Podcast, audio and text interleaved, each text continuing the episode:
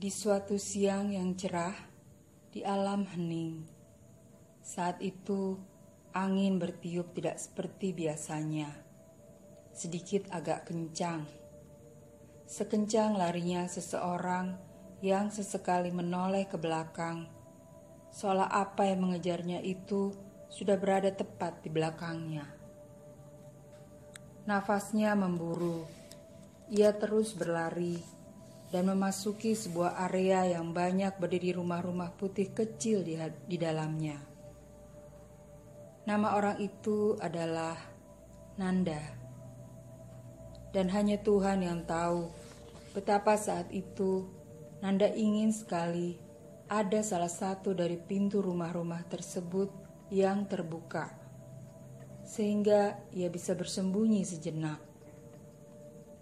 Namun, apa daya, jangankan mengharap ada pintu rumah yang terbuka.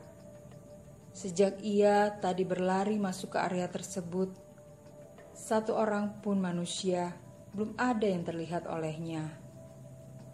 Nanda terus berlari.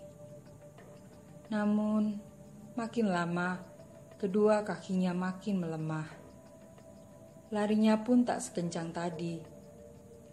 Akhirnya, ia menyerah untuk berhenti sejenak, mengatur nafasnya yang sudah tak beraturan dengan suasana hati yang tidak karuan.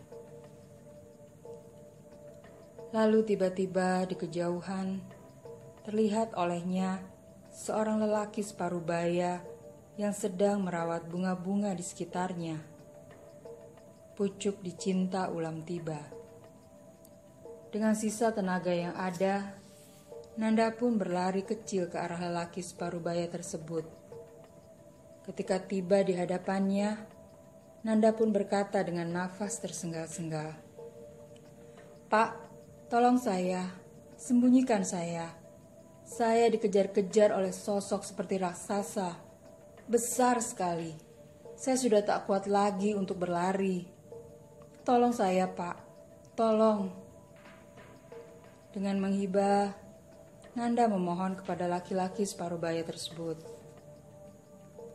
Lelaki berbaju putih yang terlihat sangat tenang itu sekilas melihat ke arah Nanda dan kemudian tersenyum sambil berkata, "Tenang, Nak, jangan takut. Makin engkau lari darinya, makin besar sosok yang mengejarmu. Ayo, berbaliklah. Coba lihat siapa yang berada di belakangmu." Dengan mengumpulkan sisa-sisa keberaniannya, Nanda pun membalikkan badan. Setidaknya aku saat ini tidak sendiri, begitu pikirnya. Dan apa yang Nanda lihat ketika ia telah membalikkan badannya? Tidak ada siapa-siapa. Dengan raut wajah yang diselimuti rasa heran, Nanda menoleh ke arah lelaki separuh baya yang kini telah berdiri di sampingnya dan tersenyum pada Nanda. Kenapa kau seperti orang bingung? Ujar lelaki separuh baya itu. Mendengar pertanyaan tersebut, Nanda pun menjawab, Bagaimana saya tidak heran dan bingung? Tadi jelas-jelas yang mengejar saya itu sosoknya besar sekali, Pak. Saya pun juga tidak tahu kenapa ia mengejar saya sampai sedemikian rupa. Seolah saya ini adalah mangsa empuk baginya. Mendengar hal itu, kali ini lelaki separuh baya tersebut tertawa. Dan yang Nanda lihat, seiring dengan tawa lelaki separuh baya itu, kuncup bunga-bunga di sekitar mereka bermekaran, menebarkan aroma harum wangian yang sangat semerbak. Untuk beberapa saat, Nanda terdiam. Kemudian lelaki separuh baya itu menghentikan tawanya dan berkata, Nak, ketahuilah, yang mengejarmu tadi adalah dirimu sendiri. Seandainya dari awal engkau mau mengenalnya dan berdamai dengan dirimu, maka ia tidak sampai membesar sampai sedemikian rupa dan menjadi sosok yang menakutkan bagimu.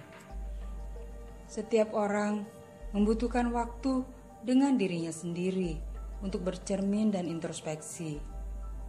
Beri perhatian yang lebih khusus kepada dirimu. Kenali dirimu lebih dalam, diri sejatimu. Tiba-tiba kedamaian yang luar biasa menyelimuti diri Nanda. Nanda pun menatap dalam-dalam wajah lelaki separuh baya misterius di hadapannya itu. Sungguh, sepertinya aku pernah bertemu dengan bapak ini. Nanda membatin. Nanda pun memberanikan diri untuk bertanya. Pak, apakah kita pernah bertemu sebelumnya? Wajah bapak sepertinya tidak asing bagi saya. Mendengar hal itu, lelaki separuh baya tersebut kembali tersenyum dan berkata,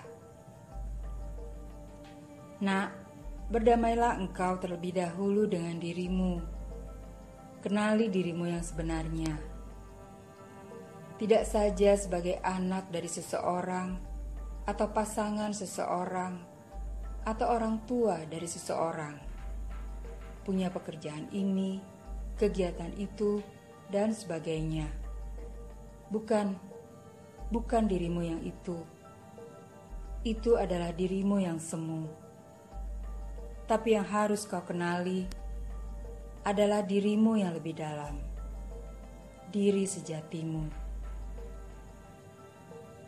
Pada akhirnya nanti, ketika saatnya tiba, engkau akan menemukan semua jawaban atas pertanyaanmu tadi.